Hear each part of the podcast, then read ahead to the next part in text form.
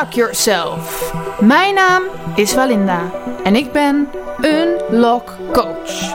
In deze podcast deel ik mijn levenslessen over zingeving, spiritualiteit, mindset, gezondheid, zelfontwikkeling, expressie, kunst en nog heel veel meer. Ook interview ik inspirerende mensen over deze onderwerpen. Dus luister je mee? En we hebben een podcast ontmaagding. Tenminste, dat zei hij net zelf. Eh, wie ben jij? Ik, eh, ik ben Rudy. En eh, wie is Rudy? Wie is Rudy? Dat is een goede vraag. Ja, Rudy is een simpele, simpele jongen. ja, zo kan je het wel zeggen. Wie is Rudy? Ja, een simpele, hardwerkende man van 32 Mhm. met een verhaal misschien wel. Wat voor verhaal? Ik weet niet, er zijn zoveel verhalen te vertellen over mij. Dus ja, een beetje afhankelijk van de vragen die jij voor mij hebt vandaag.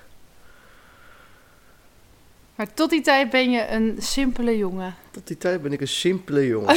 Ogenschijnlijk een simpele jongen, klopt. Ik zit me ondertussen nog heel zorgen te maken of ik niet te hard ben en jij niet zo. Als, ja, ik denk dat jij nog iets dichter bij de microfoon moet voor mijn gevoel. Ik krijg een microfoon in mijn neus gedrukt hier, Ja. jongens. Dat, eh, Ja, doe net alsof je beroemd bent. eh, ja, bijna wel. Ja. ja. Wat is je missie op deze aarde? Oei, ehm, mijn missie op deze aarde. Ik denk dat ik hem heel klein ga maken. Ik, eh, gelukkig zijn. Mhm. En je eigen doelen nastreven. Eh, goed zijn voor anderen om me heen. Ik denk dat dat wel een beetje mijn missie is. Mhm. Het klein houden. Ja. Het vooral op jezelf houden.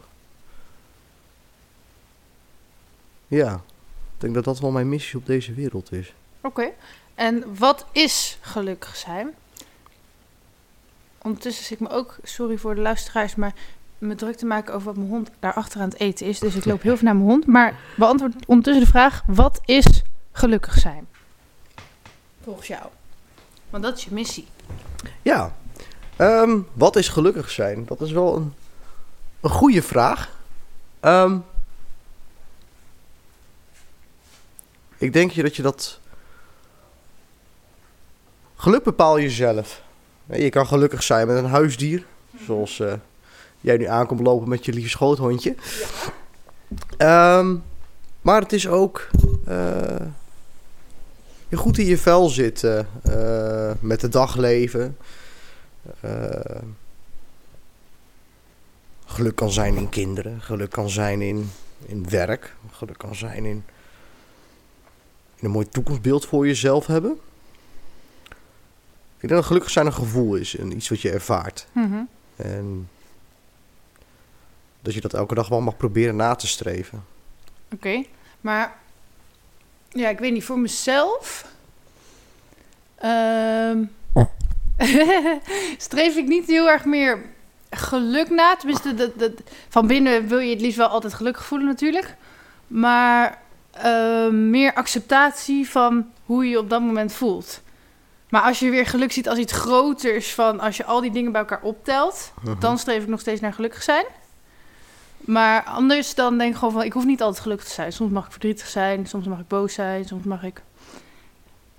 Ja, maar zit geluk niet in je kwetsbaarheid en ook als je verdrietig bent, daar zit ook, ook een stuk geluk in. Ja, inderdaad. Maar op een of andere manier vroeger dacht ik dus altijd van, dat mag je dan allemaal niet voelen, want je moet gelukkig zijn. En gelukkig zijn is blij zijn, weet je wel? Ja, maar dat is de maatschappelijke druk denk ik ook wel. Mhm. Je moet altijd maar presteren. Je moet altijd maar voldoen aan de verwachting van een ander. Je moet altijd maar voldoen aan de norm. Ja. Terwijl er niemand is die de norm bepaalt. Dus ja, je geluk is je kwetsbaarheid. Is je dankbaarheid. Eh, zijn teleurstellingen in het leven is misschien ook wel een stukje geluk. Want vanuit daar leer je ook. Ja, en ben je dankbaar voor wat dan wel weer lukt, zeg maar. Ja. Of wat je wel hebt. Ja. Ja, ik denk dat dat wel een beetje je geluk bepaalt. En uiteindelijk, ja, het is een gevoel. En meer dan dat Is maar een gevoel niet? in het moment. Want kijk, nu voel ik me best gelukkig, even voor duidelijkheid. Ja. Eh, dus dan zou je zeggen, nou, doel behaald of zo. Maar, maar of is het, hé, hey, ik kijk naar mijn werk, mijn vrienden, mijn relatie. Ja, relaties en vrienden zijn bij hetzelfde, maar ik bedoel ook liefdesrelaties, eh, mijn familie, mijn hobby's. En dat is allemaal leuk in balans. En daarom ben ik gelukkig. En mijn salaris is trouwens ook wel belangrijk. Uiteindelijk is geld het belangrijkste. Nee, absoluut niet. Nee, ehm, ik denk dat geluk, het nastreven van geluk, een constant vernieuwend doel is. Als jij niet kan stilstaan bij de kleine dingen die je hebt in het leven, dus gezondheid. Ik heb bijvoorbeeld, ik heb maar beide benen nog, ik heb mijn armen nog, Mhm. ik heb een gezond stel hersens. Of wel gezond. ik ben nog steeds af en toe een mafklapper. Maar ja, geluk. Het is een mooi woord. Ik denk dat, dat, dat je dat ook wel eens uit mag breiden. Maar ja, het is, een, het, het, het is voor mij een constant vernieuwend doel. Ik denk dat voor iedereen ook geluk persoonlijk ervaren wordt. Ja. Ik kan niet voor jou bepalen wat jouw geluk is. Nee, maar ook soms eh, kan je een bepaald doel behalen, maar op dat moment daar niet, ehm, niet geluk in ervaren, snap je? Dan heb je denk ik toch het verkeerde doel gesteld. Nee, voor mij ehm, persoonlijk dan was bijvoorbeeld, eh, nou, een, een voorbeeld is, ik had vorig jaar een superleuk verjaardagsfeest. Mhm. Zag er helemaal uit zoals ik had bedacht. Alleen ik had heel erg veel buikpijn die dag, dus ik voelde me vreselijk.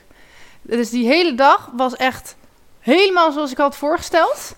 Maar van binnen kon ik me niet voelen van... yes, ik ben hier nou echt blij en dankbaar voor. Ik, ik zag wel van, hé, hey, alles wat er nu gebeurt is precies zoals ik wilde. Mhm. Maar ik kon het niet voelen. Oké, nou misschien maar nou de positiviteitsgoeroe met een beetje naar boven Ja. komt. Maar ja, dit is natuurlijk wel een beetje een inkoppertje. Want hij was helemaal zoals je het wilde, je had voorgesteld. buikpijn, ja. Wa- waarom laat jij je dag bederven door één dingetje wat negatief is, terwijl de rest eromheen fantastisch is? Waarom kijken we altijd naar dat ene negatieve? Is dat niet perfectie willen nastreven? Eens? Oké, buikpijn, heel vervelend, Mhm. zeker. En dat kan zeker je dag bepalen. Maar kijk er eens omheen. Welke herinnering geef je aandacht? Eens, maar tegelijkertijd als het bijvoorbeeld... ehm, ik had het buiten georganiseerd en er was regen... dan was, was het weer een ander verhaal. Maar buikpijn zorgt er ook voor... nu maak ik mezelf even in een soort slachtofferrol... maar eh, dat, dat je ook gewoon bijna niks kan voelen. Bij mij in ieder geval, qua in- intensiteit. Maar moet het altijd intens zijn? Nee, maar als je zeg maar alles om je heen ziet er leuk uit... maar je kan je van binnen niet, niet prettig voelen... dan heb je er dus nog niks aan. En dat is eigenlijk wat ik probeer te zeggen van... je kan eh, elke studie doen die je wil... of elke eh, beroep of relatie hebben wat je maar wil... maar als je het van binnen gewoon niet voelt... dan, dan doen je uiterlijke omstandigheden doen daar eigenlijk niet zoveel meer toe. Pardon. Ehm, ik heb wat last van lucht. Ik ben ook wat verkouden, zoals sommige mensen kunnen horen. Nee, het is... Ik, ben het niet helemaal met je eens. Dat mag. Het is fijn dat dat mag. Wat fijn. Ik mag saaie helemaal mezelf zijn. Wat prettig. Nee. Ehm, je bedoelde net bijvoorbeeld ook, ja, als het geregend had... Er is altijd wel een reden om iets een nadeel te geven, zeg maar. Ja. Een, een situatie. Ehm, buikpijn is inderdaad een lichamelijk probleem... en dat kan behoorlijk je dag... Hè, dat, dat geef ik ook toe. Dat kan ook behoorlijk je dag eh, ruïneren. Maar Mhm. Waarom zou je niet gewoon proberen je Hm. mindset zo te zetten dat je eigenlijk voor jezelf denkt: oké, weet je, jammer, ik had buikpijn. Maar kijk eens, we zijn allemaal mensen op mijn verjaardag gekomen. Ik had een hele leuke verjaardag. Het was super gezellig. De sfeer was er toe. Oké, het kwam niet zo bij me binnen. Maar hey, het was tof. Ja, maar zo kijk ik er wel op terug. Nou, waarom zou je dan... Aan de andere kant, je hebt er wel wat aan, want je hebt nu nog wat om over te lullen in de Ja, podcast. dus ik zeg Het ook is- niet, dat, dus- ik dus zeg het niet is- dat ik er niks aan heb. Nee, nee, nee. Nee, maar ik leg gewoon uit van... Soms kunnen omstandigheden eh, van buitenaf... of ook voor jezelf ideaal lijken van... nou, ik heb alles wat me gelukkig maakt... maar kan je het alsnog niet voelen. Ja, maar moet je geluk altijd voelen? Want je geluk is er wel. Want je praat er met een glundering in je gezicht over. dus uiteindelijk heb je geluk daarin ervaren. Ja. Alleen jij legt constant een negatieve associatie in je hoofd met die buikpijn. Mhm. Terwijl elke willekeurige dag... wordt het hier een soort psychologische sessie, maar goed, ja, ja. is misschien wel. Ja, dat is, dat is wel een van de dingen die ik heel erg leuk vind. Maar ik denk dat dat ook wel typeert wie ik ben. Psychologie. totaal geen kaas van gegeten, maar ik vind het interessant. Hey, ja, weet ik niet. Het, ja, Oké, elke maar- willekeurige dag heeft wel iets. Ja, nee, maar dat ben ik dus met je eens. En zo sta ik in principe ook wel in het leven. Maar ik bedoelde gewoon te zeggen van... ehm, dus je hebt de omstandigheden die kunnen helpen met geluk. Dat is gewoon zo. Ja. Ik bedoel, iedereen wordt eh, denk ik wel gelukkiger als hij iets meer geld heeft... of als hij opeens vrienden heeft, dit terwijl hij ze eerst niet had. En, eh, weet je wel? Maar ja, ik noem maar even iets. Maar, Ja. Of van een leuke vakantie. Ehm, maar soms... nou, soms kan je ook gewoon gelukkig voelen om niks. Dus, dus geluk is best wel een vaag iets eigenlijk. Geluk is tevredenheid met jezelf. Ja. De hele wereld om je heen kan wegvallen. Dan spreek ik uit persoonlijke ervaring. Je kan je compleet alleen voelen, verlaten voelen, verraden voelen, liefdeloos voelen. En toch kan je ergens het geluk vinden. Het kan ook een drijfveer zijn van hé, hey, ik heb. Het, ligt, het is je focus. In plaats van ik heb niks meer, kun je ook denken, maar ik heb dat nog. Ja. Dat bepaalt jouw geluk. Het is constant, ja, het is een, het is, het is, een constant veranderend doel. Een Ja. gevoel. En nou, in ieder geval zelf heb ik dus een aantal jaar geleden gekozen om eh, het geen geluk meer, of tenminste geluk is gewoon geluk, maar dat ik dus zelf geen geluk meer nastreef, maar meer zingeving. Maar ook dat laat ik eigenlijk steeds meer los. Want ik denk, ja, soms mogen dingen ook gewoon zinloos zijn. Ja, Oké. Wat is dan voor jou het verschil tussen zingeving en geluk? Ehm, nou, de, dat, dus voor mij voelt geluk heel erg van alsof je altijd blij zou moeten zijn. Weet je wel, dat Amerikaanse blije, zeg maar. Eh, dat is misschien wel helemaal niet zo, maar dat voelt voor mij dan zo. Mhm. En eh, zingeving is dus als ik pijn ervaar of verdriet ervaar of wat ik dan ook mag ervaren, dat je daar dan toch nog een soort. Ja, zo, bijvoorbeeld dat ik het nu kan vertellen en, en dat we daar dan een les uit kunnen halen, dat maakt het dan weer zinvol. Ja. En dus dat streef ik dan liever naar dan geluk. Dus eigenlijk streef je hetzelfde na, alleen noem je het anders. Ja, maar iedereen heeft toch bij elk woord ook weer een ander gevoel. ja, klopt. Maar voor iedereen is emotie en ervaring is uniek. En tegelijkertijd, oh, ik liet ook een boer. Ehm, Gaat lekker zo. Ja, maar in heel veel spirituele stromingen zeggen ze ook weer... We moeten straks echt weer meer op jou gaan inzoomen trouwens. Maar dat maakt niet uit. Want jij, Hoezo? zit, jij zit lekker allemaal terug te kaatsen. Natuurlijk, heel- daar, is het, daar is het toch een gesprek voor. Het is toch een interview? Als we op het Algemeen Dagblad gaan zitten hoor. In heel veel spirituele stromingen zeggen ze juist... je moet helemaal niks meer nastreven. Want je bent er al of je hebt alles al. Of, weet je wel, ehm, het einde van het streven zorgt ervoor... Dat, je precies krijgt waar je naar verlangt. En ehm, dat, dat heb ik ook wel een beetje... Bijvoorbeeld nu, op dit moment... ehm, streef ik naar niet zo heel veel. Maar tegelijkertijd, we zijn nu met een podcast bezig... dus dan is het op zich wel handig... dat ik er een beetje een leuke podcast van probeer te maken, zeg maar. Nee, dit verkoopt goed zo. Nee, dat is toch? Nee, dat is wel zo. Nee. Ja, als ik daar helemaal niet mijn best voor doe, dan wordt het ook zo prut. Zo. Nou, Zo nou dan kunnen we hem net zo goed helemaal niet opnemen of... eh, kan die microfoon ook uit? nee, zonder gekheid. Nee. Ehm, ja, oké. ja, ik ben het met je eens. Ehm tuurlijk, je moet je best doen voor dingen. Zeker. Anders kom je er niet. Maar misschien niet, nou, misschien niet per se je best. Gewoon, Jezelf je zijn. bent al je best. Dus je mag je ervoor inzetten, maar het hoeft niet meer dan je best. Nou, laten we dan zo definiëren dat geluk het nastreven is van het ehm, perfecte plaatje van jezelf creëren. En dat je uiteindelijk je, je doelen behaalt die je zelf stelt en dat je daarin dan je geluk ervaart. Hè? Terugkoppeling naar geluk. Maar ook een stukje, ja. Ik denk niet dat alles van, vanzelf op je pad komt. Uiteindelijk als je iets wil bereiken in het leven, moet je er ook voor gaan. Mhm. Ik bedoel, je kan wel nodeloos zitten wachten tot de liefde van je leven op je pad kruist. Als jij er niks aan doet, loopt het ook gewoon weer door.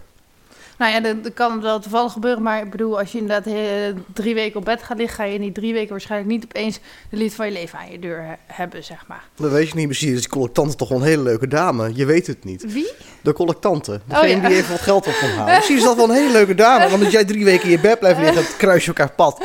Alles, alles, alles, Alles kan. is en dat is allemaal heel moeilijk te fantaseren. Ja. Maar ja, als jij drie weken lang in je bed ligt en je ziet geen andere mensen, dan is de eerste persoon waar je verliefd op wordt ook veel makkelijker dat een collectante is dan een meisje van tegenover, tegenover in de volgende straat. Hè. Het, het, het is, het is allemaal wat als. Ja. Maar goed, nog even, want jij zegt dus een perfecte plaatje van jezelf creëren. Maar je kan ook zeggen, ik ben al perfect. Of ik, weet je wel, het is al goed.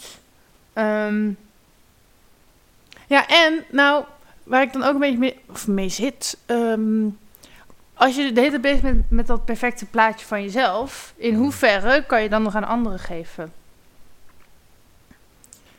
Want de laatste jaren ben ik dus best wel veel bezig geweest met mezelf. Van, met liedjes maken, met nou, deze podcast maken, dat soort dingen. Uh-huh. En tuurlijk, we geven nu ook, want er zullen mensen zijn die luisteren en die hier veel aan hebben. Maar tegelijkertijd denk ik, nou, misschien was ik wel veel ehm, nuttiger als ik mezelf erbuiten had gelaten en gewoon ehm, zieken zou gaan verzorgen of zo. Ik roep maar iets. Snap je wat ik bedoel? Ja. Nou, dat is trouwens ook niet echt mijn ding, dus dat slaat helemaal nergens op. Maar Nee, maar ik snap, ik snap je punt. Het gaat om het Ja. punt. Het gaat niet of het je ding is, het gaat om nee, het punt. zeg maar, als je het perfecte plaatje van jezelf wil maken, dat is wel een soort egoïstisch doel of zo. Misschien. Nee, hoezo? Omdat je ehm, dan best met jezelf bezig bent en misschien niet zo heel veel met anderen. Misschien ook wel. Misschien word je als je heel erg aan jezelf werkt ook een leuke persoon voor anderen. Ingewikkelde materie. ja. ja. Nou ja. Ik heb daar niet echt zo'n mening over, eerlijk gezegd. Maar goed, doelen nastreven. Wat heb jij voor doelen? Oei, eh, wat ik voor doelen heb. Nou ja, ik moet toch een klein stukje over mezelf vertellen. Ja, je moet toch wat zeggen. Ik moet toch wat zeggen. Ik moet toch open zijn. Nou, open zijn, dat is voor mij momenteel heel moeilijk. Dus voor mij is het ook wel een doel om me meer kwetsbaar en meer menselijk op te stellen. Ehm, meer mensen toe te laten in mijn leven. Dat zijn wel doelen die ik nu momenteel heb. Dat zijn misschien wel hele grote doelen. Maar bijvoorbeeld de verslaving die ik heb gehad. Die ik eigenlijk nog steeds heb. Waar ik nog steeds elke dag mee vecht. Eh, om daarmee aan de slag te gaan. Er zijn wel dingen waar ik wat wel volledig mijn aandacht opeisen. Mhm. Dat zijn wel de doelen die ik heb. En dat zijn kort, korte termijn doelen. Ik denk dat ik niet een heel groot doel moet hebben voor de toekomst. Dus hoe ziet je korte termijn doel dan uit? Verslavingsvrij zijn of zo? Ja. Hm. Ja. Leren omgaan met emoties. Mezelf weer volledig terugvinden. Een stukje de connectie met mezelf terugvinden die ik altijd heb gehad. En kwijt ben geraakt door de jaren heen. Vooral de afgelopen tijd, nu ik de verslaving, hè, de verslavende middelen laat liggen. In dat stukje heb je zingeving, ja. Daar ben ik nu wel heel hard mee bezig, ja. Een stukje Mhm. zingeving, zin geven aan mijn leven, zin geven aan mezelf. Mezelf ertoe laten doen. Mijn geluk zoeken. Nou, ik denk dat dat wel de doelen zijn die ik momenteel aan nastreven ben op de korte termijn. Langere termijn, ik ben bezig met mijn ervaringen uit het leven op te schrijven in een boek. Wil nog niet helemaal lukken, maar hey, ik ben daar wel mee bezig. Dus ik ben wel bezig in de volle zelfontwikkeling. Mhm. En ja. Verwerking van dingen die gebeurd zijn. Een stuk gelopen liefdesrelaties, een stuk gelopen vriendschappen.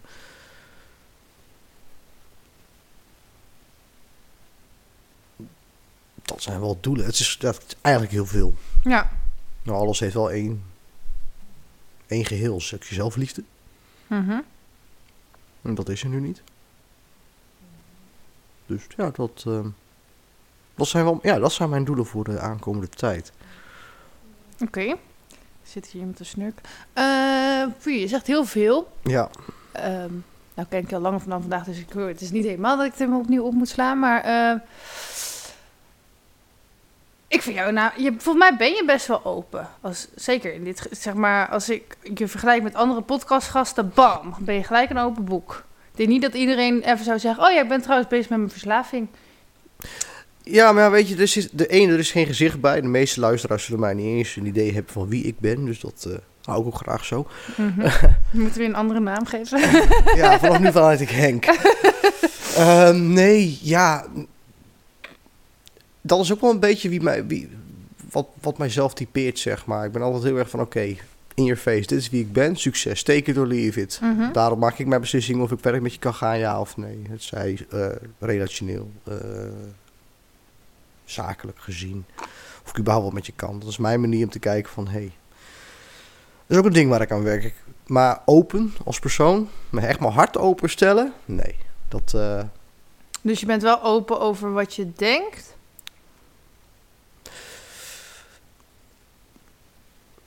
Nee, over wat ik van mezelf wel weet. Oké, dus je bent open over wat je wel weet. Dat Ja. is eigenlijk wat je zegt. Ja. Maar waar ben je dan niet open over? Je zegt over je gevoel. Over mijn gevoel. Ja, het gaat inhoudelijk bij mij niet zo... eh, Ik heb heel veel details, Mhm. maar wat ik daarbij voel, dat zal ik niet snel delen. Oké, maar ja, sorry, ik probeer even. Dus misschien wordt dit ook weer psychologische sessie. Ja, nee, dan maken een psychologische Misschien hebben mensen sessie er wel van. maar, maar hoe zou het dan volgens jou en voor jou zijn als je. Ja, maar dan is het net dan alsof ik je daar nu in dwing. Nee hoor. Maar ik probeer. Ik vind je al open. Dus wat, wat is dan nog meer open zijn volgens jou? Kan je daar een soort van. Wat zou je dan wel zeggen wat je nu niet zegt? Of wel doen wat je nu niet doet? Kijk, je hebt, je hebt, hè, je hebt het verhaal hè, Mhm. van, nou inderdaad, ik heb een verslaving gehad. Hè, zo zeg ik het ook, ik heb een verslaving gehad, ben ik mee aan het vechten. Ja, misschien nog even voor de luisteraars. Wat voor verslaving? Ik heb een alcoholverslaving en een eh cocaïneverslaving gehad. Tot eh, zeer recent. Dan ben ik nu eh, kaart van het loskomen. Ehm, ik heb een tijdje opgenomen gezeten, niet heel lang. Ik kreeg last van overprikkeld brein en ik sliep niet meer, dus ik moest voor mezelf kiezen. Maar dat is wel de dagelijkse strijd die ik heb. En, ah, dat. Oké, en dan nog dus de vraag van hoe zou je daar dan meer open over willen zijn? Of... Nou, dat is een mooi voorbeeld, zoals ik het nu ook zeg. Hè. Ik Mhm. zeg nu, nou, oké, ik heb verslaving aan alcohol gehad, aan cocaïne. eh, maar ik vertel je er niet bij hoe slecht ik me erbij gevoeld heb. Hoe hard die strijd met mezelf is geweest. Wie ik tegen ben gekomen in die tijd. Dat ik me, wat gevoel het losmaakt. En eh, hoeveel mensen ik daardoor verloren ben. Hoe erg ik mezelf verloren ben. Dat zijn dingen die ik niet vertel. En Mhm. al helemaal niet inhoudelijk op inga. Waarom? Omdat het zijn dingen zijn die mij kwetsen. En ik denk dat dat een stukje openheid is. Mhm. Ik kan je inderdaad vertellen. Oké, ja, ik ben naar een kliniek geweest. Iedereen kan in zijn eigen hoofd wel inbeelden wat een kliniek is. Mhm. Oh, daar gaan de drugsgekkies heen. Daar gaan de laagste van de laagste maatschappij heen. Dat was mijn eigen beeld ook toen ik erheen ging. Ik heb pas mijn verslaving herkend toen ik binnenkwam. Ik zat daar met ex-politieagenten. Ik zat daar met bankiers. Mensen uit het zakenleven. Alles behalve de onderkant van de maatschappij. Mhm. En dan kom je, dan kom je achter een hele andere wereld. En daar kan ik best inhoudelijk over ingaan, maar daar komt wel een heel stuk gevoel bij kijken. En dan wordt het menselijk. En dan wordt het vatbaar. En dan ga je in één keer bedenken: hé, hey, het kan zomaar mijn zoon overkomen. Of het kan mijn vrouw overkomen. Of ik denk dat daar het verschil maakt, dat dat de lading dekt. En daarin, dat is voor mij een stukje openheid. Mhm. Een stukje van, hé hey, ja, ik kan me precies inbeelden hoe jij je voelt. Of we daadwerkelijk met je meevoelen. Eh, Een stukje aanvoelen van, hey, shit, wat heb je meegemaakt? Oh joh, echt. Oh, wat kut dat jij je kind verloren bent. Oh, wat... We snappen het allemaal tot je in essentie gaat praten over het gevoel wat erbij komt kijken. Mhm. En eh, je daadwerkelijk gaat verbinden of verdiepen in de persoon in kwestie of de, het verhaal in kwestie. Dan wordt het toch een stukje kwetsbaar van. Ja, En ja, ik denk dat dat het verschil is tussen open en open. zeker. Daarin heb ik, ben ik misschien ook niet altijd even open. Zeg maar van, ik ben een open boek qua woorden, Ja. maar niet qua gevoel. Eh, ja, grappig. Ja, maar, tegelijkertijd kan, ja, maar tegelijkertijd kan je ook wel zeggen... Misschien is gevoel ook wel niet eh, in woorden uit... Snap je? Huilen, als je echt huilt, hoeft, hoeft er helemaal geen woord aangegeven te worden. Huil- eh, waar, wanneer gaat een mens huilen zodra woorden te schi- tekortschieten? Ja? Dan is het lijf die het overneemt. ja. Dan, dan, dan laat je je emotie zien door tranen. Ehm, emotie, ja, het is verbinden. Mhm. En ook een stukje spiritualiteit zit er zeker in. Ja. Het echt mens zijn. Het echt kwetsbaar zijn. Ik bedoel, ja, ik kan het je heel mooi vertellen. Mhm. Maar wat het met mij van binnen doet, is een, dat is een oorlogsgebied. Wat ik wel dat eh, heb ik al een keer eerder tegen je gezegd van eh, ik heb met de hypnoseopleiding geleerd als iemand met zijn handen op zijn buik Ja. zit, dan beschermt hij zijn gevoel en jij zit heet met je handen op je buik. Klopt, klopt, klopt. ja, nee, ja. Eh, omdat ik over het randje praat. Hè, van, hey, dit is wat ik meegemaakt heb, maar de onderliggende emotie laat ik niet zien. Nee. Dat, dat is bewust. Dat is een verdedigingsmechanisme. Ja, maar ook, sta- ja, je mag huilen even voor duidelijkheid. Ja, maar stel je voor maar- dat je hier gaat huilen in een podcast.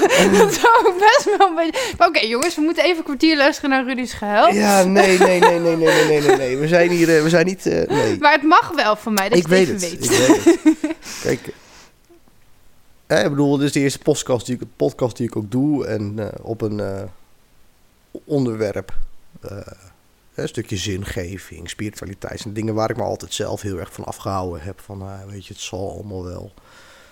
Een spirituele connectie met iemand. Ik zie het gelijk als spoken en dat soort dingen. Terwijl het soms gewoon, gewoon energiebanen zijn. En we bestaan uit energie. Mhm. Dus. ehm, nee, ja, tuurlijk. Wat. Uiteindelijk vind ik een stukje. Is dit ook zingeving? Van hé, hey, je gaat reflecteren. Je gaat proberen mensen wat mee te geven. En je zou, het is ook een stukje kwetsbaarheid, een stukje openstellen. Dus ja, nee. Als ik moet huilen, huil ik wel. Maar dat, dat gaat niet snel gebeuren. Want ik, ik heb er echt moeite mee om het los te laten bij mezelf al alleen. En, ehm, ik denk dat het ook wel het grootste probleem van mijn verslaving is geweest. Ter, ter verduidelijking, ik, eh, nou, ik ken jou natuurlijk van, van vroeger af ook wel een beetje. Mhm. De tijd dat ik, eh, nou ja, net 19 was, denk ik. Ik kwam van een internaat uit. Wat mij gevormd heeft als mens. Waar heel veel vooroordelen over waren. En ik heb me nooit mens gevoeld. Ik heb altijd mezelf. Ik deed er niet toe. Dat hebben ze me aangeleerd. Dat heb ik mezelf aangeleerd. En vanuit die redenatie heb ik ook geleefd. En. Kwam de alcohol. En je drinkt wat en je voelt je beter. Tijdelijk geluk. Je blijft voldoen aan het plaatje, het perfecte plaatje. Ik kreeg op een gegeven moment een relatie met een meisje. Een half jaar later kregen we kinderen, want ja, christelijk opgevoed. Hele- iedereen om me heen kreeg een relatie en zou aan kinderen gaan beginnen trouwen. Dus ja, ik moest dat allemaal ook. En ik kom er nu pas achter dat ik vanuit die overtuiging dat gedaan heb en niet omdat ik het zelf wilde. Onderweg hierin heb ik daar toevallig ook een stuk over geschreven. In de auto. Ja, in de auto. Hè? Ja, ja, gewoon dicteren, zeg maar. Hè? Dus eh, met spraakherkenning. Oh, en, zo. eh, hè? Dus ja, nee. ik zit wel eens met mijn, telefoon, met mijn handen, handen achter, hè, met mijn handen aan mijn telefoon, maar dat laat ik maar even buiten beschouwing. nu. Ja. Nee, maar ja, ja. Daar, daar is mijn verslaving ook in ontstaan. Het, het, het me niet, niet verbonden voelen met de mensen om me heen. En me niet verbonden voelen met mezelf, maar ook met de wereld om me heen. Maar gewoon doen, als een schaap volgen. Gewoon compleet niet op de manier leven zoals ik dat wilde. En daar zit een heel groot stuk verdriet achter. En heel veel pijn en heel veel. ehm, ja. Boosheid, teleurstelling. Ja. Ja, dat. Maar ehm, je hebt, bent dus in een instelling, nou ja, heb je gewoond. Maar ehm, misschien moeten we dus even bij het begin beginnen van... Hoe oud was je toen voor het eerst naar een instelling ging en waarom? Oeh, jeetje. Ja, dan ga ik een beetje te veel van mijn boek verklappen natuurlijk. Oh. Maar dat ja. maakt, nee, dat maakt niet uit. Nee, nee, nee, dat maakt helemaal niet uit. Er is nog heel veel over te leren en te lezen.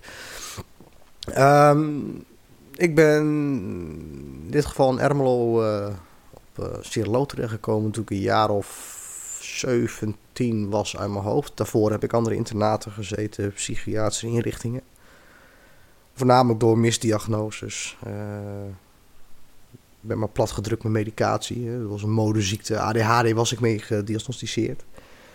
PDNOS. Nou, van alles en nog wat. Uh, zwak begaafd. Ja, op die manier ben ik in een instelling terechtgekomen. Ik was thuis onhandelbaar. En, uh, eigenlijk was ik gewoon een heel gevoelig kind. En een heel erg nieuwsgierig kind. En gewoon inderdaad heel erg druk omdat ik te veel prikkels kreeg. En totaal niet heb leren omgaan met mijn emoties. Uh, achteraf gezien. Maar hoe oud was je toen voor het eerst naar een instelling ging? Uh, 13, 14 jaar denk ik. En, oh, want ik dacht dat je echt vijf was of zo. Gewoon echt heel Nee. jong. Nee, toen ik zeven was heb ik de diagnose ADHD PNOS destijds gekregen. Achteraf verwaarloosbaar. Ehm, en toen ik 13 was, ik denk nadat ik na, van de basisschool af was, middelbare school, eerste jaar. Ja, ik liep weg van huis en eh, begon inderdaad wel eens af en toe met, met, met, met, met het blowen en, en wat drinken en allemaal wat dingen doen, uitproberen. Ja, en ik sloeg daarin door. Omdat ik me dan wel goed voelde of... Ja, En toen was je dus 17, zei je. Toen pas kwam toen je echt- ik in Ermelo terecht. Toen ben ik inderdaad op een behandelende groep terechtgekomen. Ja. ja. En daar is alles wel misgegaan. Ook met mezelf. Ja. Mhm. Maar ik, ja, ik vind best wel... Ik bedoel, puberteit is ook wel gewoon een tijd dat heel veel mensen een beetje ontsporen. Of in ieder geval gaan experimenteren met Mhm. alcohol, drugs, Klopt. weet ik veel wat. Klopt. Eh, dus hoe kan het dan dat, dat jij in een instelling terecht... Ja, sorry, maar... Eh, dan moet je het wel heel bont maken. Ja, nee, ja, ja, en dat is dus het beeld wat mensen ervan hebben. Je moet wel heel bont maken of je moet wel helemaal op het randje van de, van de afgrond zitten als je daar terechtkomt. Mhm. Het is niet zo. Ik zat gewoon met mezelf in de knoop. Ik was gewoon een wat lastigere puber. En ik heb gewoon de pech dat mijn, eh, mijn, mijn ouders, met alle liefde die ze zich in zich hadden, alles hebben geprobeerd hebben om mij het rechte pad te krijgen. Een stukje overbescherming. Dusdanig dat ik me daarvan zo ben gaan distancieren dat ik gewoon het spoor bijster was. En als jij. Ik ben nu zelf vader en eh, ik, ik loop ook tegen dingen aan met mijn kinderen, uiteraard. Maar als ik dan Kijk, ja, als jij als ouder, als jonge moeder of als jonge vader gaat geloven dat er wel een keert aan je kind en je gaat je daarna handelen en, en het blijkt achteraf allemaal niet zo te zijn, maar je bent daar blind voor omdat je het beste wil voor je kind. Het is eigenlijk een soort van herprogrammering van je, van je hoofd. Zo, zo ervaar ik het een beetje. Ik ik heb tot mijn negentiende geloofd dat ik niks waard was, dat ik zwak begaafd was, dat ik niks kon. Dat ik de rest van mijn leven 24 uur zorg zou nodig moeten hebben. Dat ik niet ouder zou worden dan 24, 25. Omdat dat de levensverwachting was die mensen mij gaven. Psychologen, niet één, niet twee, dat waren een heleboel. Dat werd mijn ouders verteld. Mijn ouders zijn tot op de dag vandaag bijvoorbeeld nog steeds bang voor het telefoontje. Hij is er niet meer. Constant leven naar een verwachting van een ander. Maar hebben ze letterlijk, want daar schrik ik wel echt van, Ja. gezegd dat jij niet ouder zou worden dan 25. Dat, en dan dat- puur door nou, je psychische klachten. puur door psychische klachten. En ik heb het geloofd. Nee, Ik heb- kijk, het kan natuurlijk, maar het slaat nergens op om te zeggen. Nee, het slaat ook, nergens, het slaat ook helemaal nergens op. Nee. Het, het slaat ook nergens op. En ik denk dat dat ook wel een beetje mijn missie voor het leven is. Losbreken van de idioterie waarin we, waarin we in dat opzicht leven. Hoe we met de gezondheidszorg omgaan, met geestelijke gezondheidszorg. Hoe erg dat ondergesneeuwd kindje is. Mhm. Hoe meer ik er nu ook over lees, het wordt gelukkig ook telkens meer kenbaar. Maar nee, dat is wat. Nou, misschien niet in exact deze woorden, maar dat is wel gewoon de levensverwachting die er was. En ik zou geen relatie krijgen, ik zou geen baan kunnen krijgen, ik zou, eh, ik zou mijn autorijwijs niet halen, kinderen homa. eh op mezelf wonen is het laatste waar ik aan zou moeten denken. Ja. Ja, zoals jij dan ook weet, ik heb jarenlang mijn eigen bedrijf in Zwolle gehad met personeel. Ik heb een relatie gehad, helaas ook door psychisch probleem is die gestrand. Onverwerkte emoties. Ja, maar het is niet zo van dat jij absoluut geen relatie zou kunnen hebben. Dat slaat Nee, ik heb vijf en een half jaar samen gewoon met, met, met de moeder van mijn kinderen. Ik Ja. heb daar twee kinderen meegekregen waar ik ontzettend dol op ben, waar ik ontzettend van hou. En als ik nu ook oude begeleiders tegenkom van vroeger, die, sta, die vallen letterlijk met hun bek op straat van wat is dit? Nou ja, in ieder geval, bijvoorbeeld, oké, alleen al zwak begaafd. Als je deze podcast luistert, Ja. dan denk ik niet dat iemand jou de conclusie zou geven dat je zwak begaafd zou zijn. Nee, maar iedereen heeft dat wel altijd wel gedacht. En Ja. kijk, eh tuurlijk, eh, ik bedoel, ik, was, ik, wan- ik ben een labloeier in dat opzicht. Mhm. Eh, omdat ik altijd geloofd heb in wat gezegd heb, in wat mensen tegen mij zeiden. En Eh, de medicatie die ik altijd kreeg om, eh, om me rustig te houden, eh, heeft me zeker een zombie gemaakt. Dus in mijn ontwikkeling, vooral in mijn psychische ontwikkeling, heb ik een hele afstand opgebouwd. En heb ik zelf allemaal in moeten halen. Met vallen en opstaan, helaas. Ehm, dus ja, er was echt wel wat aan de hand. Niet zo van, oh ja, ik ben maar een slecht geval en ik word maar neergezet. Nee, Nee. Er, er speelde genoeg en daar, daar ga ik in mijn boek ook wel verder over uit hoor.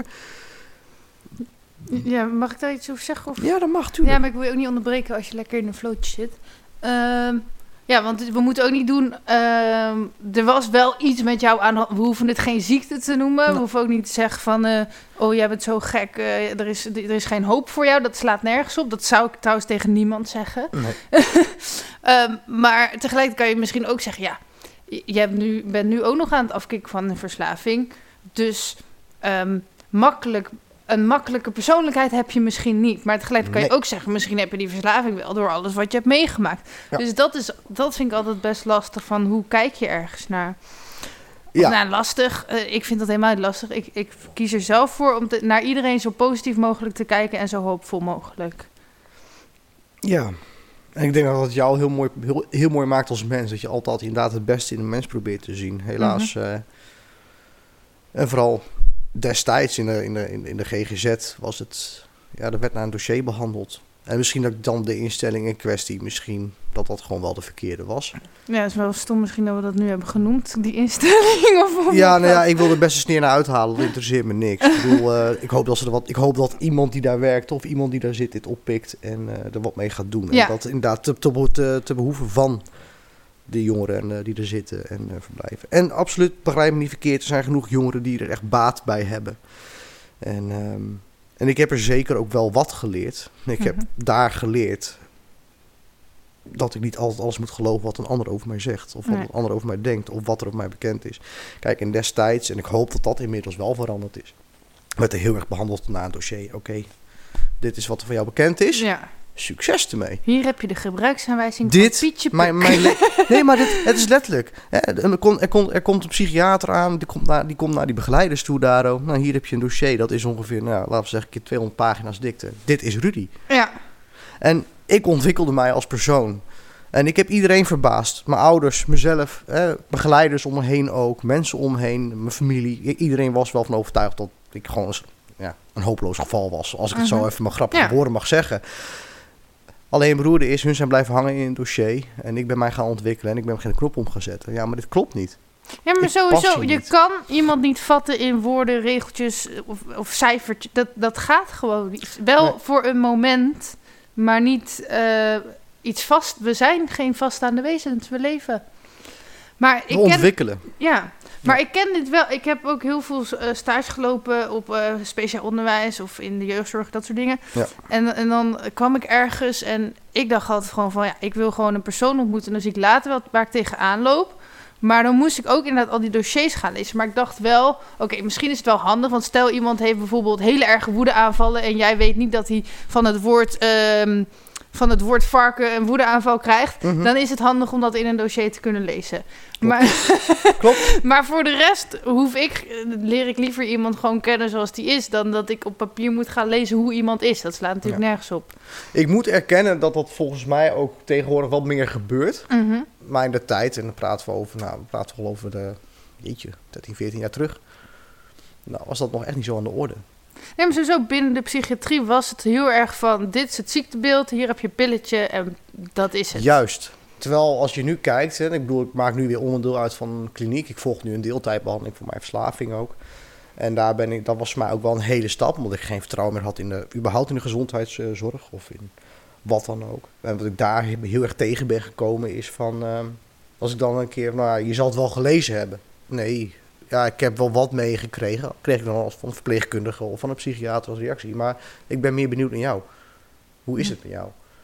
Dat zijn voor jou een hele normale vraag om te horen. Het heeft mij echt, echt pijn gedaan, die vraag. Van shit, zo kan het ook. Ja, Als dit eerder, dat zie je gewoon als dit zien als eerder mens. gebeurd was, Ja. als dit eerder gebeurd was, was ik er veel beter uitgekomen. En dat is allemaal wat als. En dan kan je heel erg om rouwen. Ik kan er ook even stil bij staan van oké, het is zoals het is. Wat ik heel graag zou willen zien binnen de gezondheidszorg. Geestelijke gezondheidszorg, vooral. Mhm. Inderdaad, een stukje mindful leven, een stukje hè, waar jij mee bezig bent. Een stukje zingeving aan je leven. Een stukje meditatie misschien wel. Klinkt allemaal heel zweverig of allemaal heel... Ja, prima. En gelukkig wordt het telkens meer erkend dat een stukje ademhalingstechnieken telkens veel meer doen. En dat je daar veel meer mee kan bereiken dan een pilletje aan zich. Ja. En dat... Het is gewoon, ja, het is gewoon jammer dat het, dat het massawerk is in plaats van mensenwerk. Ja, dat- maar het is ook bijna. Ik, wil, ik zeg niet dat ik helemaal voor hoe het gezondheidssysteem was en nu is ben natuurlijk. Maar het is ook bijna niet te voorkomen, zat ik later te. Ja, maar vroeger was ik heel erg van, oh, het systeem is allemaal mis. En dat moeten we allemaal anders gaan Fight doen, wel. resistance! Ja. Ja, ja, ja. ja, Maar toen was ik Ja. een keer bij het ziekenhuis en we hele lange wachtrijen, weet ik veel wat. En toen dacht ik, ja, het is allemaal mis. En toen dacht ik, maar wacht even, hoe zou ik het dan doen, weet je? Ja. Toen dacht ik, ja, Betrek Ik- de ik heb vraag inderdaad op jezelf. ik heb wel allemaal ideeën, dat is het probleem niet. Ik heb wel een ideaalplaatje, een ideaalvisie, maar ga het maar eens uitvoeren. Dat, als je zo'n groot ziekenhuis hebt met zoveel duizend mensen, hoe ga je dan zorgen dat mensen snel geholpen worden? Is bijna niet te doen. Dat of hoe ga je zorgen voor meer persoonlijke aandacht? Is bijna niet te doen. Dus, dus er zijn gewoon beperkingen waar je rekening mee te Ja, houden maar hebt. wat is persoonlijke aandacht? Ja, sowieso de- wel Nee, maar- een, een, een intentie. Dus, dus dat Kijk- kan je zelf verzorgen. Als ik, als ik een, een, een, verpleegster heb of een zuster heb... Die, die, die, die me gewoon bij naam noemt zonder naar het bord te kijken... is maar op genoeg persoonlijke aandacht. hey, ze interesseert zich in mij en ze bekommert zich Ja. om mij. Min, dat is niet meer voldoende. Kijk, in een ziekenhuis... Ik kan heel lang over discussiëren. In een ziekenhuis, ja, dat, daar, daar is persoonlijke aandacht gewoon iets lastigs. Want het is inderdaad nog steeds gewoon productiewerk. hè. Ja. De bedden zitten vol. Vooral kijk naar de tijd in COVID. Daar kunnen we heel lang breed over lullen. Ehm, dat is gewoon... Het, het- is gewoon echt massawerk. Ja, maar ook bijvoorbeeld, ik moet best wel vaak naar het ziekenhuis om bloed te prikken. Nou, je zit gewoon soms twee uur te wachten voordat je in de buurt bent, terwijl je een afspraak hebt gemaakt. Ja. Nou, dat vind ik wel. Dus ik denk nu altijd, oh, voortaan neem ik een gitaar mee en ga ik daar gewoon een liedje voor Ja. spelen of zo. Ja, maar dat is inderdaad, maar dan, dan, inderdaad dan, dan, dan geef je... Je verandert niks aan de situatie. En dan kan je inderdaad eh, gaan, helemaal zitten opvreten. Uiteindelijk heb je daar jezelf mee. Je kan ook Ja. het beste van de situatie maken. Nee. Neem een boek mee, lees wat en doe kennis op. Ja. Of praat inderdaad eens een keer met die oude vrouw die altijd ook maar bloed moet prikken en eenzaam is. Ja. Nee, zo sta ik er ook in. Ja. Dus, dus daarin ben ik ook weer niet van... hé, hey, we gooien het hele systeem om, maar, maar eh, zorg voor verandering in jezelf... en je creëert al nieuwe dingen. Ja. Ehm, maar goed, wat wilde ik nou zeggen? Weet ik eigenlijk ook niet. Maar je zei dat je een heleboel vragen had, dus ga, vooral door. nee, maar het is wel inderdaad...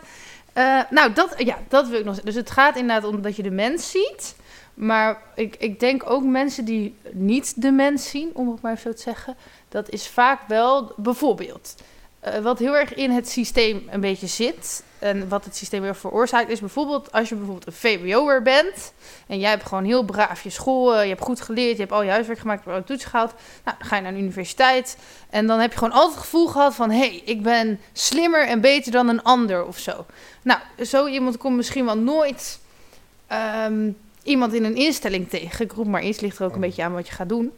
En als diegene die dan wel tegenkomt, dan kijk je daar heel erg op neer. En, eh, nee, maar ja, en nee, zo kan het echt zo. dat een Ja. psycholoog of een psychiater, terwijl ze ervoor geleerd hebben, gaan ze wel denken van, oh ja, ik ga wel even die patiënt daar helpen, weet je wel? Terwijl als je gewoon kijkt van, hé, hey, ik ga mijn medemens helpen en die is gelijk aan mezelf, denk ik dat, dat, je, ja, dat je veel meer bereikt met elkaar. Klopt. En en dat is ook wel een beetje wat ik door de jaren heen heb geleerd. Ik bedoel, hè, ehm, ik heb dan aan de andere kant gestaan. Ik ben dan niet universitair geschoold. Ik zou waarschijnlijk naar universiteit niet, maar HBO zou me nog moeten lukken enigszins. Ik, ik, heb gewoon de pech met mijn jeugd gehad. Nou, kan ik heel erg lang op inzitten. Uiteindelijk heb ik aan de andere kant gestaan. Ik bedoel, ik heb me niks gevoeld. Ik, heb, Mhm. me, ik heb me echt... Ik vond mezelf niks waard. Ik deed er niet toe. Dat heb ik tot een jaar terug, heb ik die gedachte... en nog steeds betrap mezelf op volgehouden. Hoe erg wij als mensheid bezig zijn met bevooroordeeld zijn over anderen. Of over... het-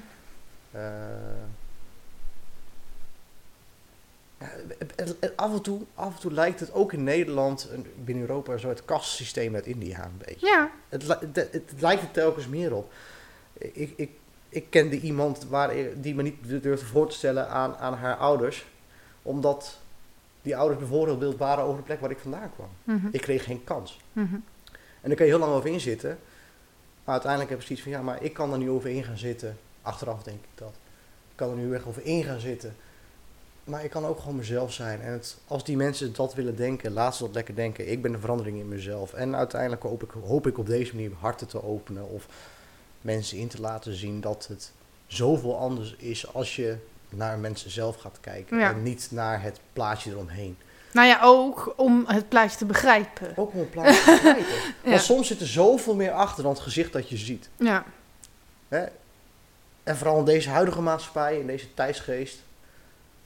Iedereen loopt een beetje verdwaald rond. En Ja. iedereen heeft wel wat. En iedereen heeft wel een ziekte. En iedereen heeft wel depressie. En de, de, de zelfmoordcijfers stijgen ook, vooral onder jongeren. En we kijken alleen maar naar de oppervlakte. En we kijken niet naar wat er eigenlijk onderliggend is. En het hoeft helemaal niet zo breed uitgemeten te zijn. Het hoeft geen podcast van anderhalf uur tot twee uur Niet? te zijn. Nee, nee, maar je? Per persoon om dat te moeten kunnen om begrijpen. te kunnen begrijpen. Ja. Maar Soms moet je gewoon mens zijn. Ja. En, en dat is wel wat je moet gaan proberen. Wat, tenminste, dat is mijn overtuiging. Dat je wel moet gaan proberen om mens te zijn. En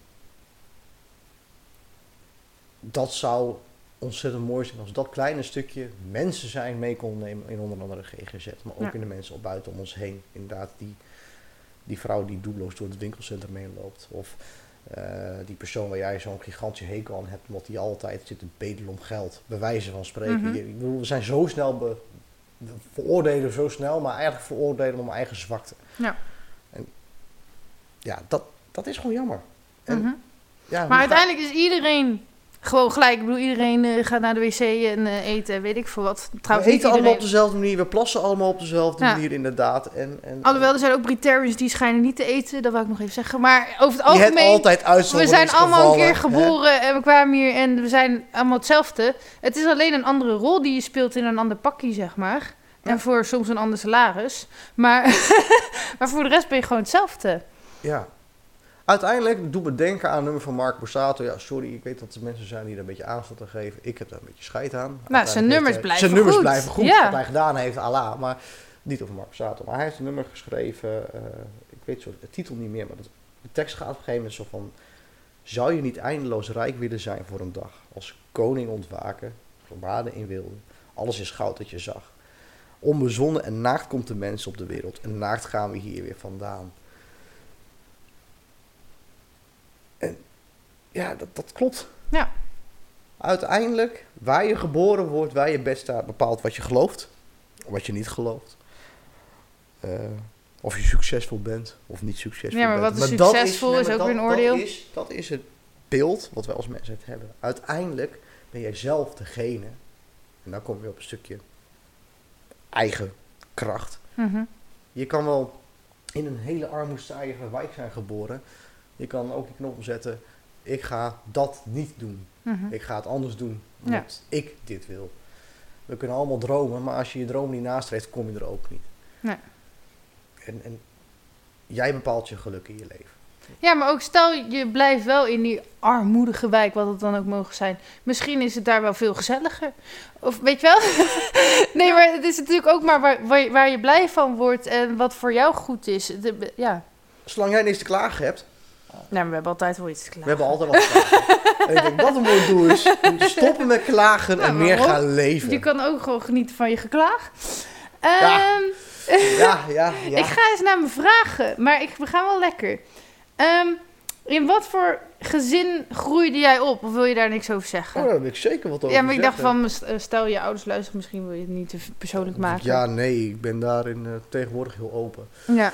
Eh, wat voor gezin groeide ik op? Nou, ik heb, eh, ik heb een vader en een moeder. Ik ben de oudste van vier. Eh, ik heb twee zusjes en ik heb een broertje. Ehm, ja, ik ben geboren in Utrecht, opgegroeid in Dronten. Een warm gezin. Mijn ouders waren altijd wel aan het werk. En, ik had een tweede gezin, eh, een oppasgezin waar ik altijd heen ging. Een stukje waar persoonlijke aandacht heel belangrijk was. Zodat niet iemand naar een of andere kinderdagverblijf gedumpt werd. Ehm, een- gewoon een vader en een moeder. eh, jong, dat wel. Mijn moeder was 20 toen ze mij kreeg. Mijn vader is 7 jaar ouder, dus mijn vader was 27 volgens mij. Als ik snel kan rekenen. Eh, ja, nee, gewoon uit een warm, christelijk, doorsnee gezin. Ja. Ja. En eh, jij was de enige die daar in instelling eh, ging, zeg maar. Ja, op de manier zoals dit in mijn kant van het verhaal, ja zeker. Ik, is binnen de familie wel natuurlijk, elk, elk huisje heeft zijn eigen kruisje. En binnen ons gezin speelt er ook zeker wat. hè. zo hebben bepaalde, we hebben geen contact met elkaar. Of, eh, maar ja, daar ga ik verder niet over uit. Dat Nee. hun. Maar eh, nee, het, het is... eh, we hebben allemaal wel bepaalde tikken gehad van, van, van onze opvoeding, zeg maar. En daar is zeker ook heel veel dingen fout gegaan. Of fout, ik wil niet zeggen fout. Anders gelopen dan we ze hadden, graag hadden willen zien. Ja. Want ja, je kan, ik kan mijn ouders niet kwalijk nemen dat ze mens zijn. Nee. En, Ja, en ook de perfecte opvoeding bestaat volgens mij niet. bestaat niet. Dan, dan Nee. zou je dat als een soort fulltime doel moeten hebben, maar dan heb je de rest ook niet in balans. En zelfs dan maak je fouten. Klopt. Klopt. En fouten maken leer je van. Want als we geen fout zouden maken, wat zouden we dan nog leren? Ja. Dus, maar ja, ik denk dat wel, ja, ik denk dat wel gewoon een beetje mijn gezin is. Ja, gewoon doorsnee gezin. Eh Eén keer per jaar op vakantie. En eh, er, was niet, er was niet altijd geld, maar we- ik heb het zeker. We konden op vakantie, we gingen leuke dagen dingen, dingen, dingetjes doen. Ja. En eh, dat christelijk, heb je dat eh, nog meegenomen? Eh, tot.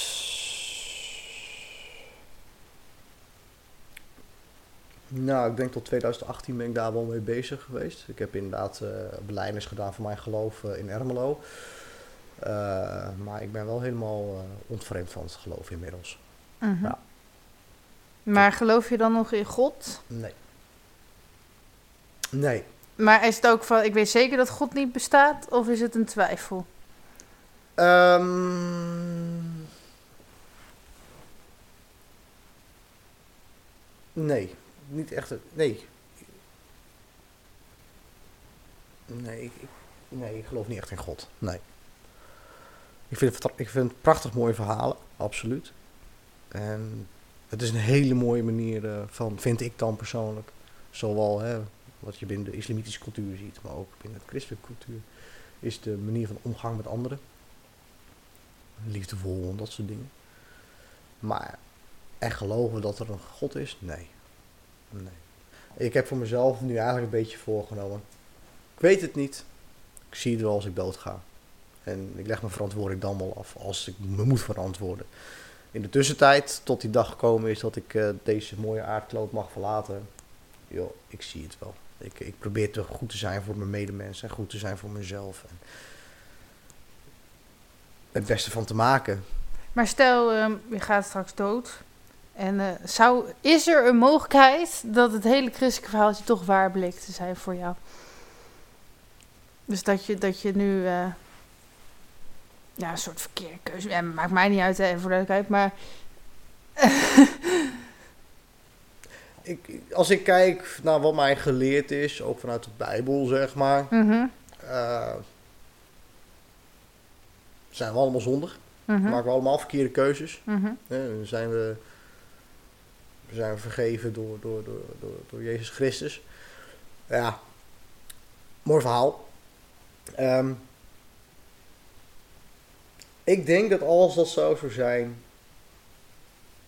En je bent gewoon. Je hebt je, als Gods liefde echt zo groot is zoals Hij beschrijft in de Bijbel, waar wij, ons, waar wij geen weet van hebben.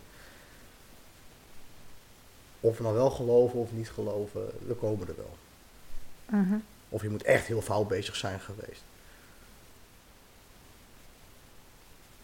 Want dat is liefde. Mhm. Liefde is vergeving. Liefde, liefde vergeeft alles. En of mijn bed nou in een of andere stam ergens in de Middellandse Zee, bij wijze van spreken, weet ik veel waar, op een of ander eiland dat nog onontdekt is, eh, geboren wordt, waar ze totaal geen weten hebben van überhaupt van een God. Ik bedoel, die mensen dan. Ja, Ik bedoel, nee, geloof, religie is gewoon. Het is niet dat ik er bang voor ben, nee. Maar voor mezelf. Als God er zou zijn, ja. zie ik het dan wel. Mhm. Ja, ik had voor mezelf ook van... ehm, dat ik op een gegeven moment gewoon echt niet meer kon geloven. Ook al zou ik het willen, het, het lukte gewoon niet, zeg maar. Want ik kon Ja. met mijn stand dat ik niet meer, ik voelde het niet meer. Ik denk, ja, waarom geloof ik dat nog? En toen was mijn enige conclusie, omdat ik bang was om naar de hel te gaan. Nou, dat vond ik niet zo'n goede... Nee. Snap ik. En, en omdat ik dan mijn studie godsdienst graag wilde afmaken, vond ik ook niet zo'n goede motivatie om nog ergens in te geloven. Dus toen dacht ik, oké, als ik, als ik nou... ja, Dus ik ja, denk, nou, als ik... ongelofelijke godsdienstleraar. ja, dat is een mooie. Nou, die- bestaan wel hoor. Ja, zeker. Eh, maar het was geen godsdienst. het- Ik zou eigenlijk in de kerk dan zou gaan werken als ik dat had afgemaakt. Pastoraal werker of zo? Eh, ja, voorganger of pastoraal werker ja, ja, ja. of, of eh, hoe noem je dat? Ik ben even Dus je wilde het zelf missionair werker.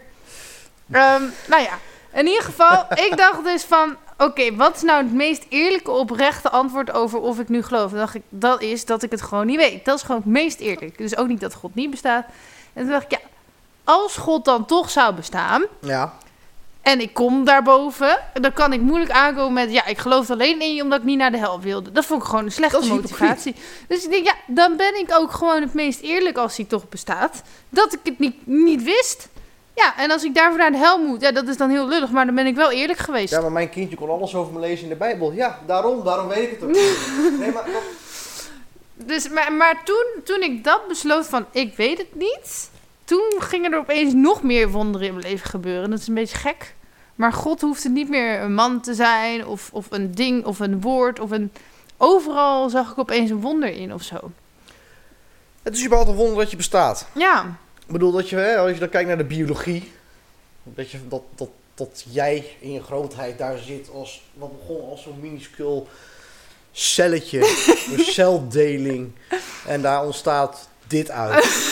nee, zit ook naar me te wijzen. Dit. niet- Sommige mensen denken dat ze ontzettend groot is. Nou, Linda is een wat grotere vrouw, ze is groter dan mij, maar nou, het is nog steeds, het is een, het is, uit één celletje komt wat voort. En als ik dan kijk, ik bedoel, je, ja, als, als, je, je kan er een joint bij gaan roken, bij wijze van spreken. Maar als je kijkt naar het huis waar je nu in zit, of, of de plek waar we zitten, de bank die we zitten, alles bestaat uit cellen en Ja. moleculen en wat dan ook. Eigenlijk is het ook gewoon wonderbaarlijk dat het er is. Ja, Ehm, ik, ik geloof nu wel, en als ik dan puur kijk naar geloof en als ik de psychologische kant van de mens een beetje erop op belicht, zeg maar. Iedereen, elk mens is bang voor het onbekende. We blijven vast in structuren zitten, hè? we blijven maar naar dezelfde baan gaan, want dat is wat we kennen. Hoe ongelukkig we ook zijn in ons werk, we blijven naar die baan gaan tot we uiteindelijk een keer die cirkel doorbreken en we gaan wat anders doen. Hoeveel mensen komen niet thuis, moeten stand om 8 uur het journaal kijken, gaan om 10 uur naar bed, volgende dag weer hetzelfde riedeltje en het weekend ben je vrij. Je bent een werkslaaf van jezelf.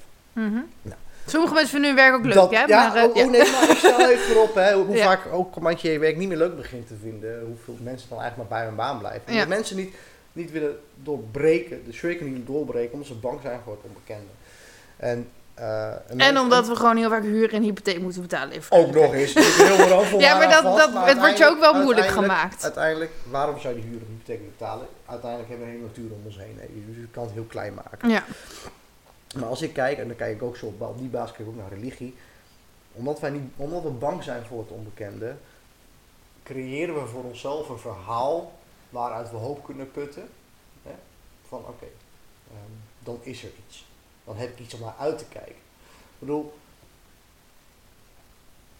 je, je kijkt uit naar. Nou, je kijkt niet uit naar de dood. Ik denk dat iedereen uiteindelijk een bepaald komt zo lang mogelijk en gelukkig worden en een gelukkig leven. Maar als omdat we allemaal zo onzeker zijn als de pest over God daadwerkelijk bestaat, ja nee, uiteindelijk is het nog steeds een overtuiging. mhm. Ik denk, en dat is mijn overtuiging, daar mag je mee eens zijn of niet, maar ik denk omdat wij als mens zo graag willen weten waar we aan toe zijn, of een stukje hoop willen vestigen op die toekomst, of omdat de dood heel erg onzeker is, dat daar het verhaal, God ook uit is ontstaan. Ook om mensen gewoon wat rustig te krijgen, om jezelf rustig te krijgen. En dat, dat is een beetje zo zijn beloop gaan, gaan.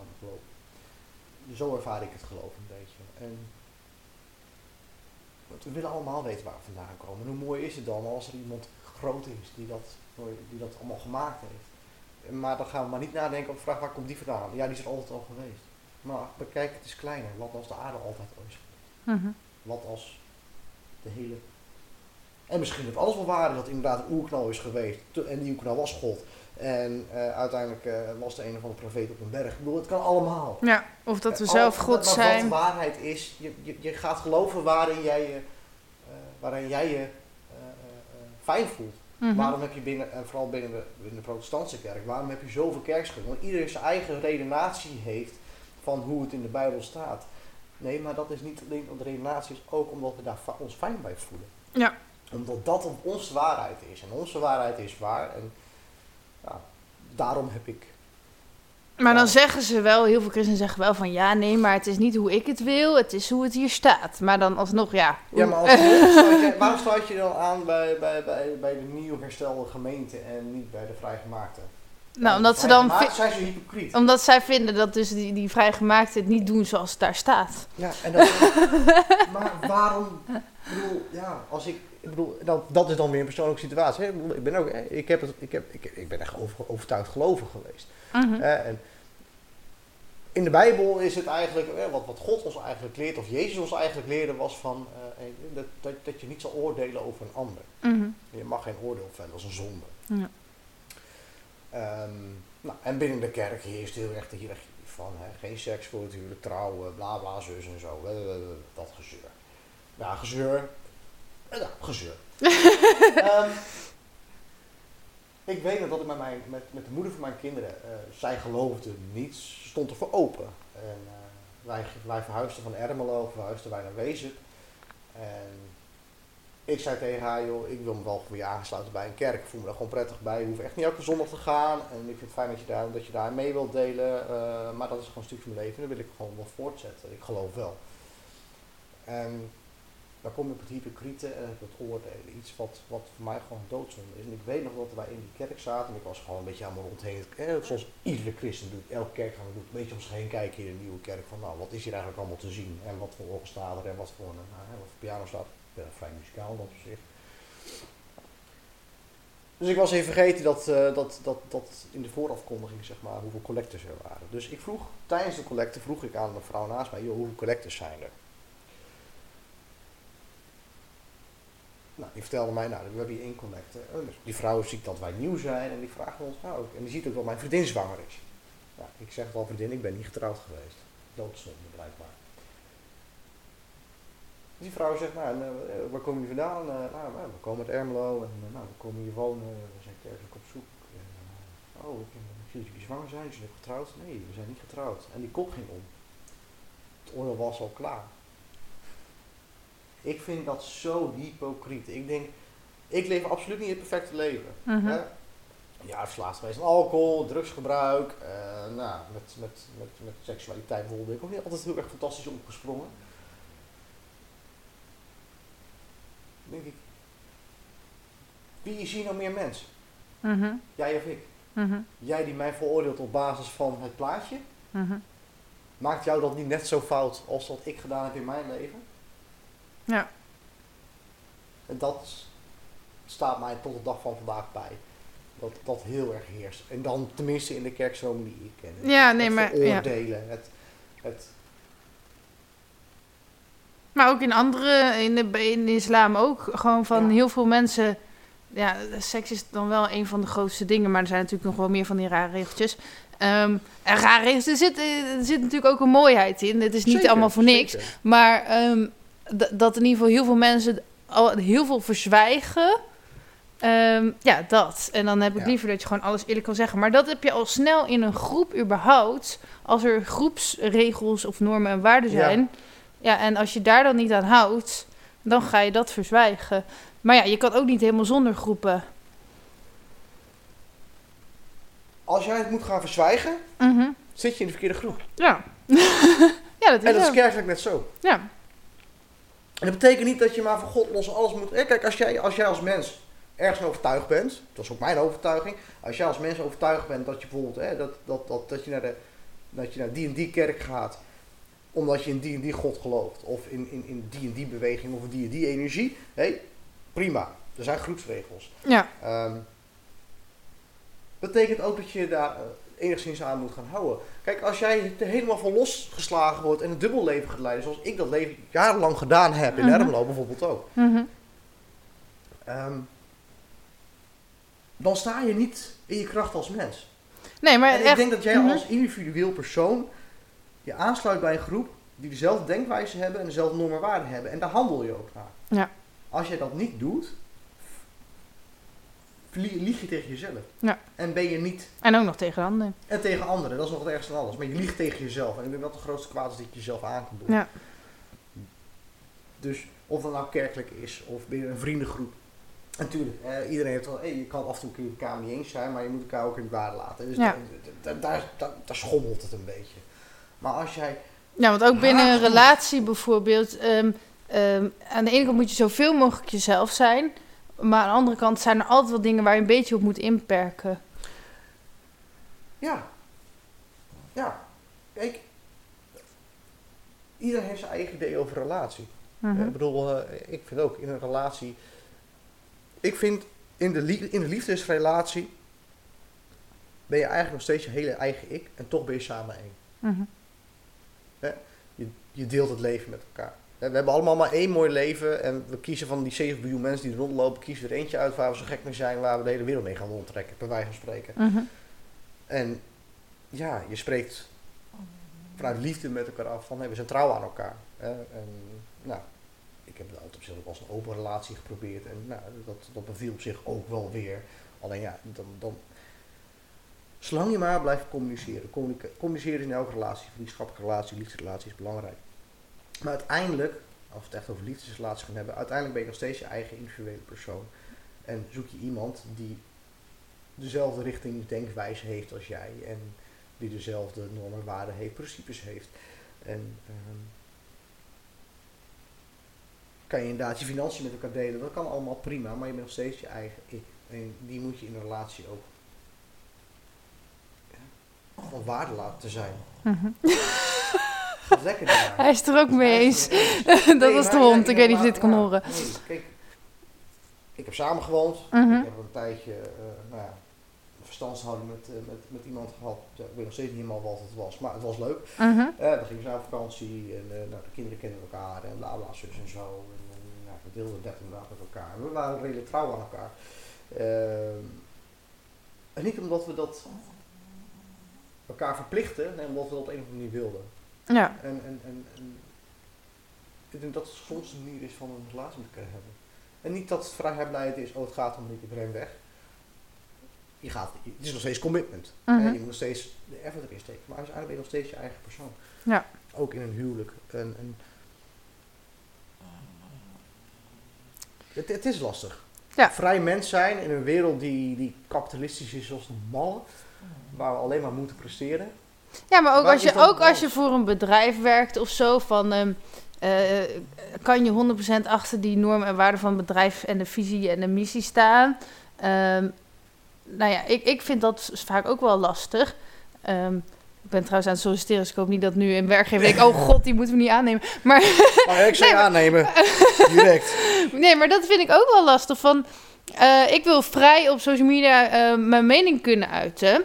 Nou is die gelukkig niet heel radicaal volgens mij. Tenminste, niet, niet, kijk, hij is misschien soms wat vreemder dan anderen.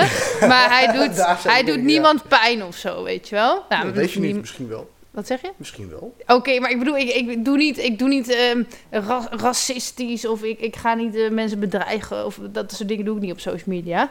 Ehm, maar ik, ik vind het wel belangrijk dat, dat ik mijn mening heel duidelijk kan uiten, want dat past gewoon echt bij wie ik ben. En als je dan een bedrijf hebt die, die dan daarachter komt dat ik bepaalde dingen schrijf en dan echt denk van, oh, maar daar willen we niet mee geassocieerd worden. Dat zou ik wel lastig vinden. Ja, snap ik. Nou ja, Snap dus ik. dat soort dingen. Of, of ook gewoon, ehm, ja, misschien heeft je familie heeft misschien ook weer bepaalde verwachtingen van je hoe je zou moeten zijn, zeg maar. Ehm, ja, maar dus wat hoe? wil jij zijn? Ja, ja, nee, dat, maar ik, ik ben ook echt wel wie ik wil zijn. Dat scheelt. Maar Ja. het is wel, in verhouding tot andere mensen kan dat best lastig zijn soms. Klopt. Klopt. Maar het is altijd een grijs gebied. Ik Ja, bedoel, Kijk, eh, ik heb jarenlang mijn eigen bedrijf gehad. Ik heb daarvoor ook altijd voor werkgevers gewerkt. Ook voor grote organisaties en, en voor kleinere organisaties. En ook binnen, eh, binnen het zakenleven ook. Ik bedoel, hè, er zijn altijd dingen waar je het niet mee eens bent. En het is ook een stukje geven en nemen. Het, het zal altijd een grijs gebied zijn. ja.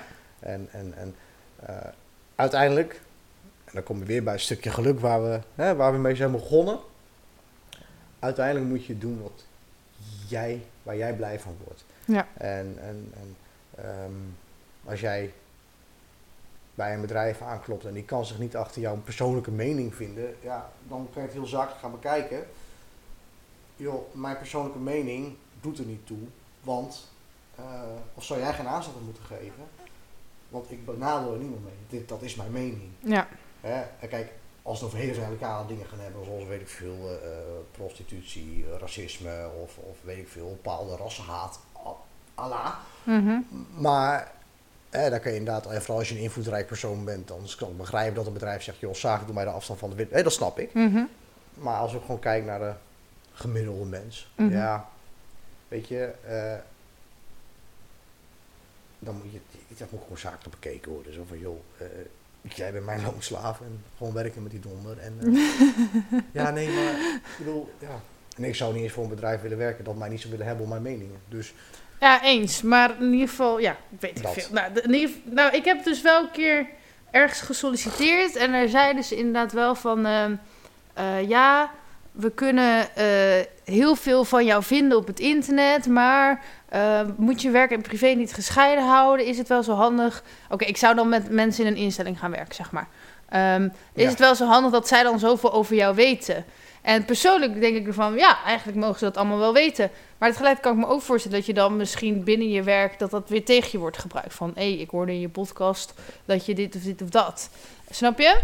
Dus dat, nou, dat is soms Ja. best lastig. En als, dan hebben we het over de gezondheidszorg met mensen gaan werken. En vooral in dat opzicht. Dan vind ik het juist heel mooi als je. Tuurlijk, een bepaalde grens à la. Mhm. hè, dus, maar jouw overtuiging zou de reden moeten zijn waarom je dat werk doet. Ja, inderdaad, daar ben en ik vooral mee in dat eens. geval. En, en juist mijn open persoonlijkheid is wat ik mensen wil brengen. Dus als Ja. een werkgever dat tegen me zegt, ja, dan past hij eigenlijk niet bij me. Nee, Nou, maar goed dat ik daar niet ben aangenomen. dat is een mooie conclusie. Dat is een hele mooie conclusie. Nee, maar dat is, kijk, en tuurlijk hè, daarover nog eventjes over, uit- tuurlijk hè, bedoel, als jij inderdaad zegt van nou, ik wil dat werk gaan doen, dan zijn inderdaad een aantal dingen die ik gewoon misschien beter voor me kan houden ten omwille van. Ja, tuurlijk. Ja, maar dat gaat dus niet. Dat gaat wel minder als je podcast maakt, bijvoorbeeld. Ja, maar dat is wel waar je rekening mee kan houden of inderdaad. eh, Ja. bedoel, uiteindelijk is je werk je overtuiging. Ik vind werk ook zoiets. Ja, weet je, als je, als je naar je werk gaat, ben je. Dan, ja, nee, dan doe je niet wat je wil doen. Nou, dat ligt er dus net aan welk werk je hebt. Als, als, als jij gewoon... Als je iets doet wat je echt leuk vindt, is het toch geen werk meer. Dan, Nou. ga- dan, hoef, dan hoef je toch je hobby uit. Je krijgt toevallig heel gelukkig krijg je ervoor betaald. Ja, oké, maar dat is ook weer net welk, welk gevoel je bij werk hebt. Ja. Nee, ja. ja, ja. Oké, Allemaal Hey. lekker open-minded zo. we zijn... Ja, unlock yourself. We, ehm, we zijn... eh, we hebben... Even denken, hoe lang hebben we nog? Ongeveer 18 minuten. Oh jee. Dus we gaan bijna afronden al een beetje, zeg maar.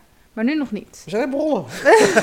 Ja, wij kunnen echt urenlang dit soort gesprekken houden. Ja, heerlijk, hè? Mm, ja, oké. We gaan. Er is geen structuur, maar maakt niet uit. Ik wil nog even weten. Jij ging toen in die instelling. Je hebt al een beetje genoemd wat de negatieve dingen daar waren. Mhm. Maar kan je toch nog één keer vertellen, ook al staat het helemaal nergens op qua volgorde van het gesprek, eh, hoe jij die instelling hebt ervaren?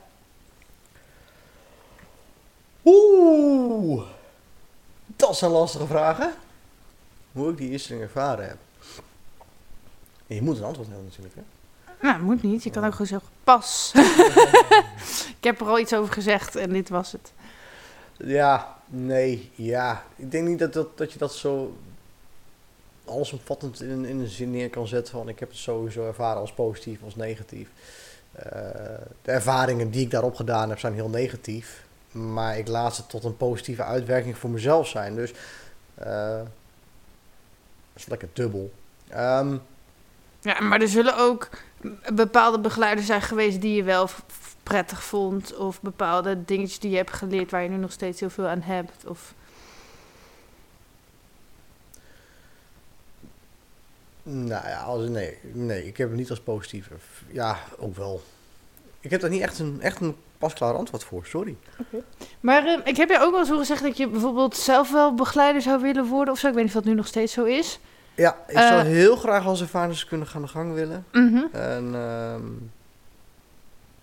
maar ik sta gewoon niet achter het, achter het huidige, het- ja, achter de huidige visie die ze hebben in de, in de, in de GGZ. En maar ja, is maar ze wel- hebben toch in elke instelling een andere visie. Ja, dus... toch, klopt, klopt.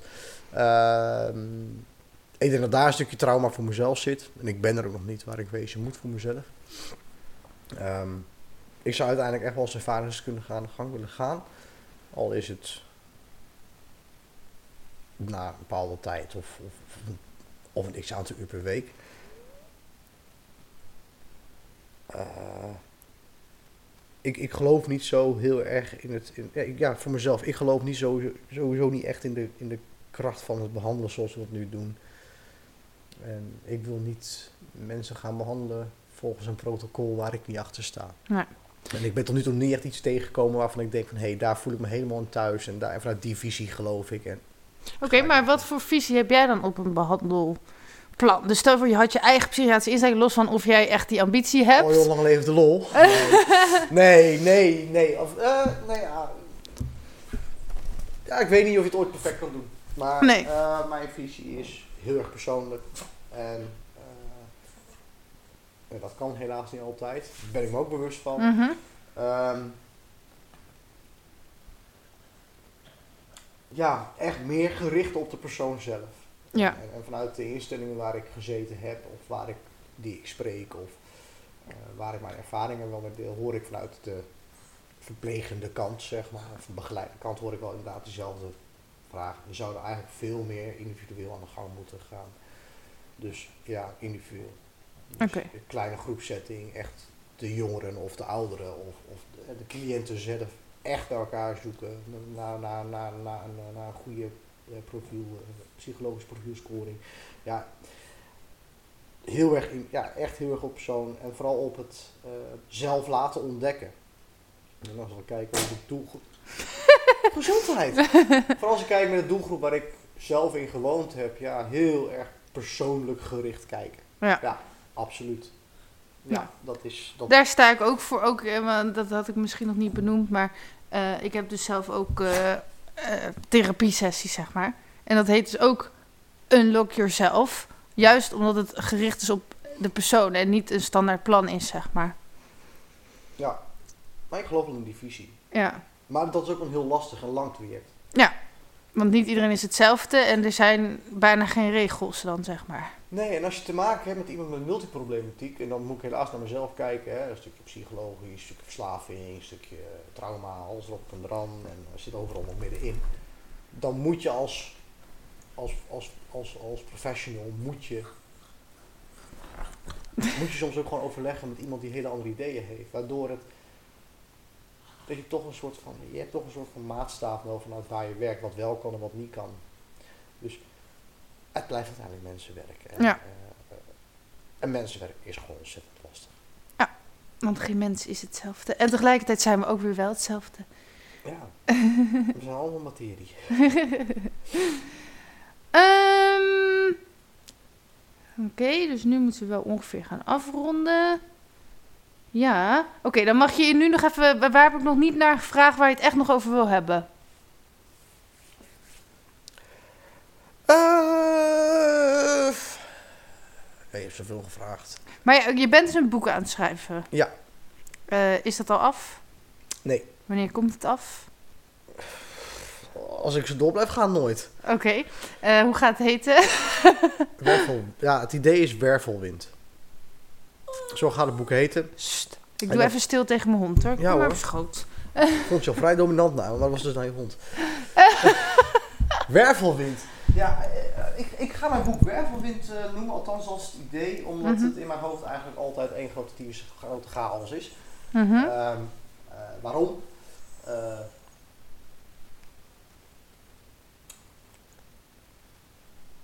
ik denk dat mijn hele leven wel getypeerd is op, op, op, op, op denk, ja, als je, als je dit beeldend uit gaat vormen, ja, op een wervelwind. Het, er is zoveel wat, waar het niet goed ging. Alles lekker door elkaar heen geklutst. Ehm, vandaar de titel Wervelwind. Maar kan zijn dat het nog anders geheten naarmate ik schrijf. Want ik wil zeggen, ik ben nog steeds aan het schrijven en er komt elke keer wel wat bij. En ik, bedoel, ik zit nou weer midden in een proces, dus kan ik ook wel weer een boek over schrijven. Over mijn liefdesleven kan ik ook wel twee, drie aparte boeken schrijven. Uh, Christian Grey wel.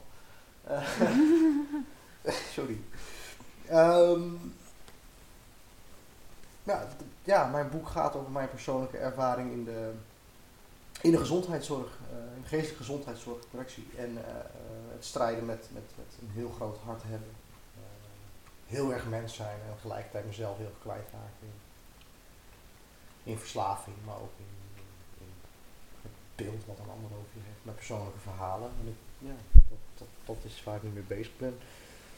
En ik ben aan het kijken van hé, hey, hoe ga ik het hoe ga ik het doen? Ga ik het echt of het eerst leven hebben of ga ik betrekken op nu? Dus ik ben nog wel heel erg aan het zoeken. Ik heb een beetje een rijkersblok, maar ik ben wel aan het kijken hoe ga ik het vormgeven. Dus het komt wel, maar wanneer dat... Heb je nog, stel dat er iemand luistert en die denkt van, oh, daar kan ik er wel bij helpen. Heb je nog bepaalde hulp nodig daarin? Ja, zeker. Kijk, ik ben, ik, ik, ik, ik, misschien, ja, merk ik wel, ik, ik heb heel veel, tegelijkertijd zeg ik ook niet zoveel. Mm -hmm. Ik kan heel uitbreiden over één onderwerp en ja, als iemand mij kan helpen met schrijven, zeker als er ervaren schrijver is die mij kan helpen, hey, je kan je boek in zulke stukken hakken of laat me eens een keer meelezen of ja, zeker. Ja, je hebt me zo een keer een stukje voorgelezen, dat klonk echt supergoed, dat ik echt dacht van wow, voel emotie. Ja, ja. ik hoor het dus heel veel terug. Ja. ja. Ben je nou ook nog liedjes aan het schrijven of? Uh, ik componeer. Zonder tekst? Zonder tekst. Ik schrijf heel veel, ik schrijf ook heel veel gedichten vooral heel veel over, de, over mislukte liefde of over liefde zelf of over uh, verlating, dat soort dingen. Uh, maar dat staat los van mijn liedjes die ik schrijf. Dat uh, ik krijg het nooit echt rijmend en als ik dan te veel op tekst ga richten, dan krijg je weer geen melodie bij. En als het veel op melodie gefocust past de tekst niet. Dus nee, ik, misschien moeten we toch gaan samenwerken, Rudy. Ja, misschien wel. misschien wordt het toch wel een soort Suzanne ja, ik, denk, ik denk dat we dat maar moeten doen. Ik kom ook met een film. Dan wordt ook zo'n... Uh, ja, nee, ik vind het wel goed. We gaan, uh, we gaan samen wat een keer schrijven. Komt goed. Oké. Okay. Um, even kijken hoe ik nog meer af ga ronden met jou. ja, ik kan natuurlijk een stukje mijn boek voor. Nou ja. Mag, pak maar. Je had het over emotie. Dat, ja, ja, dan hebben we toch nog wat emotie in dit uh, verhaal. Emotie, alsof het een helemaal een emotioneel gesprek is geweest. alsof het zo puur zakelijk is. Kom op, ik moest bijna huilen. ja, moest je bijna huilen? nee, dat zal ik maar toegeven. Nee, ja, uh, ja, oké. Okay. Lees um, voor. Ik ga hem even zoeken, momentje. Oh. Ik, uh, ik heb zoveel geschreven.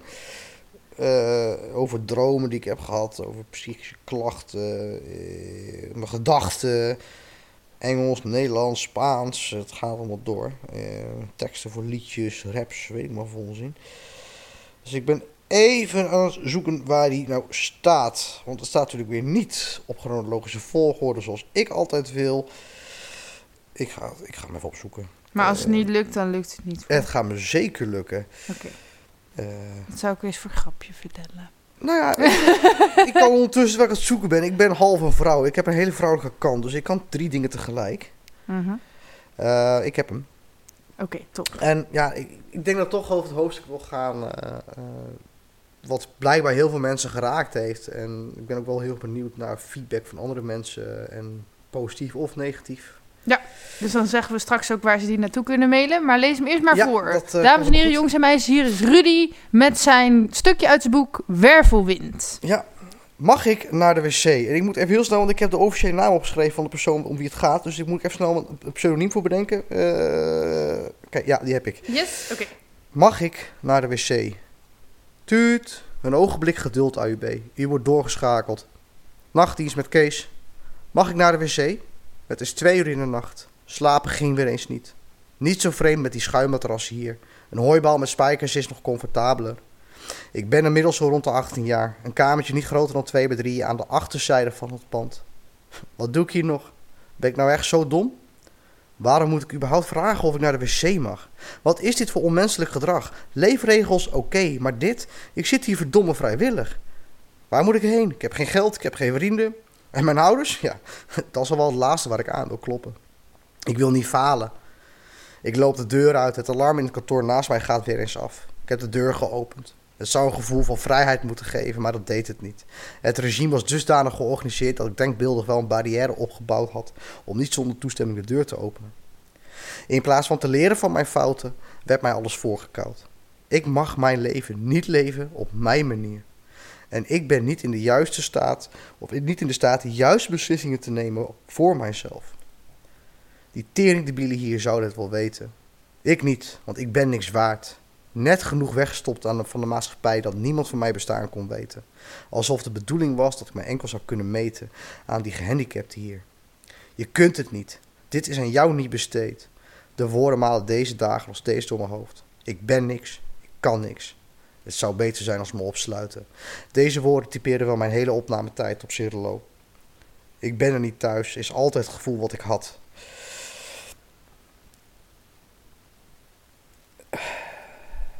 Ja, het raakt me wel. ik voel zelfs je emotie, dat kan ik echt voelen. Ja, hoe vaker ik dit lees, hoe meer pijn het doet.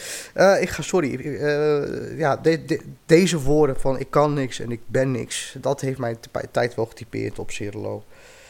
Ik hoor daar niet thuis. Ik vond niet echt aansluiting met andere cliënten en begeleiders die maakten het mij zeker niet makkelijk door alleen maar op een dossier te behandelen. Met achteraf gezien waardeloze informatie. Volgens mijn dossier zou ik een IQ van 75 à 80 hebben. Dus ik was lichtverstandig gehandicapt of lichtverstandig beperkt. Zoals ze tegenwoordig zo mooi noemen. Ik zeg niet dat alles per se slecht was aan drie jaar die ik er rondgelopen heb. Absoluut niet. Maar het zijn wel drie weggegooide jaren geweest. Middels de informatie die ze hadden mocht ik niet naar het mbo. En volgde ik daar praktijkonderwijs. ik kon, zou theoretisch leerweg met gemak aankunnen. Alles was beneden niveau. Ik had geen uitdaging en haalde daar certificaten. Engels een 9. Een 10. Nog een keer een 9. Ik heb zelfs nog maar een keer bewust een fout gemaakt in een examen, omdat ik anders wel verdacht zou kunnen worden van fraude. Nederlands een 6. Maar ik heb gewoon een hekel aan de Nederlandse taal. Ik weet niet, ik haat het. Dus ik doe het ook niet zoveel. Ik had geen uitdaging. En, en dat, ja. Dat is wel een stukje, ja, ik hou het hierbij. Dus uh, hou ik uh, graag in spanning. Uh, ja, dit is wel een beetje hoe ik mij jarenlang gevoeld heb. Dus Ja. als je het over emotie wil hebben, ja, dit is wel... Ja, dit Zegt hij met tranen in zijn ogen. hè? Nou. Dat zeg ik met waterige ogen, dat komt omdat ik verkouden ben. Ja. Ik kan het heel mooi wegwuiven, maar nee, Emoties dat- mogen er zijn, Rudy. Ja, klopt. Ehm, ik denk dat het een heel mooi en goed boek wordt. En dat je het zeker af moet maken, omdat het anders gewoon zonde is. Ja. En ehm, ja, dat eh, zeg maar de gezondheidszorg moet er zijn. En ze zullen goede bedoelingen hebben gehad. Maar ik denk dat het ook voor kan zorgen dat er nog heel veel nieuwe dingen gaan veranderen. Het, is, het is één verhaal. En Ja. er zijn, zijn, eh, ik denk dat het voor sommige mensen ook echt wel goed is. En dat het ook goed werkt voor sommige mensen. Alleen ja, Wij gaan afronden. We hebben nog drie afrondende vragen.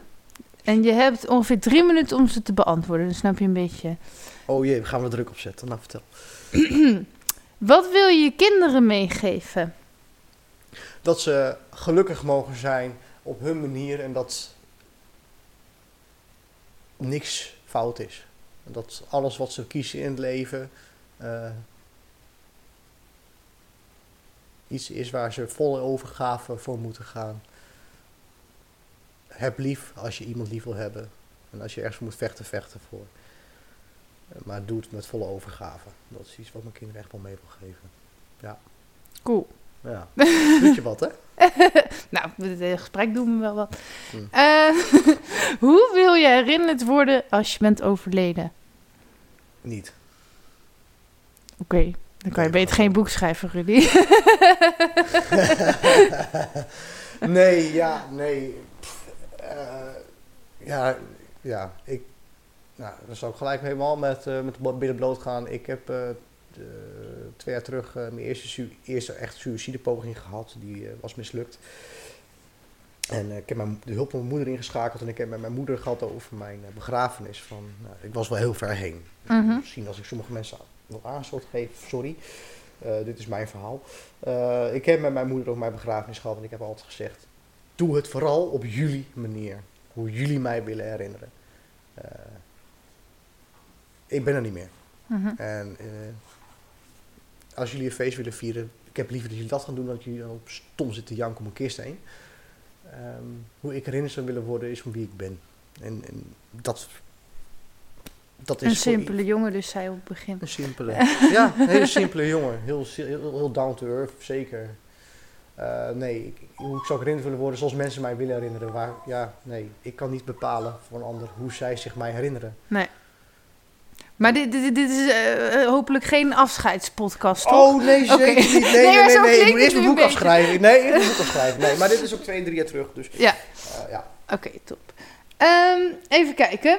Waar kunnen mensen je vinden die meer over je willen weten of met je in contact willen komen? Dus ook bijvoorbeeld, en nog even voor de luisteraars, als je hem wil helpen met het boek schrijven of met zijn liedjes of iets anders van hem wil. Hoe vind je Rudy? Ik loop naar de uitknop en Rudy gaat nu zeggen hoe je hem kan vinden. Eh, ja, dat is een hele mooie. Eh, dat kan eh, via Belinda. Die heeft al mijn gegevens. En eh, Ja, dan krijg ik het ja, ik heb niet echt, ik heb niet echt een inst Ik heb een e-mailadres als rudy.lammers, apenstaartje live.nl. En dat is Rudy met de i van Isaac. Dus geen Griekse ei, geen IE. Nogmaals, rudy.lammers, lammers, apenstaartje live.nl. Ja, graag gedaan.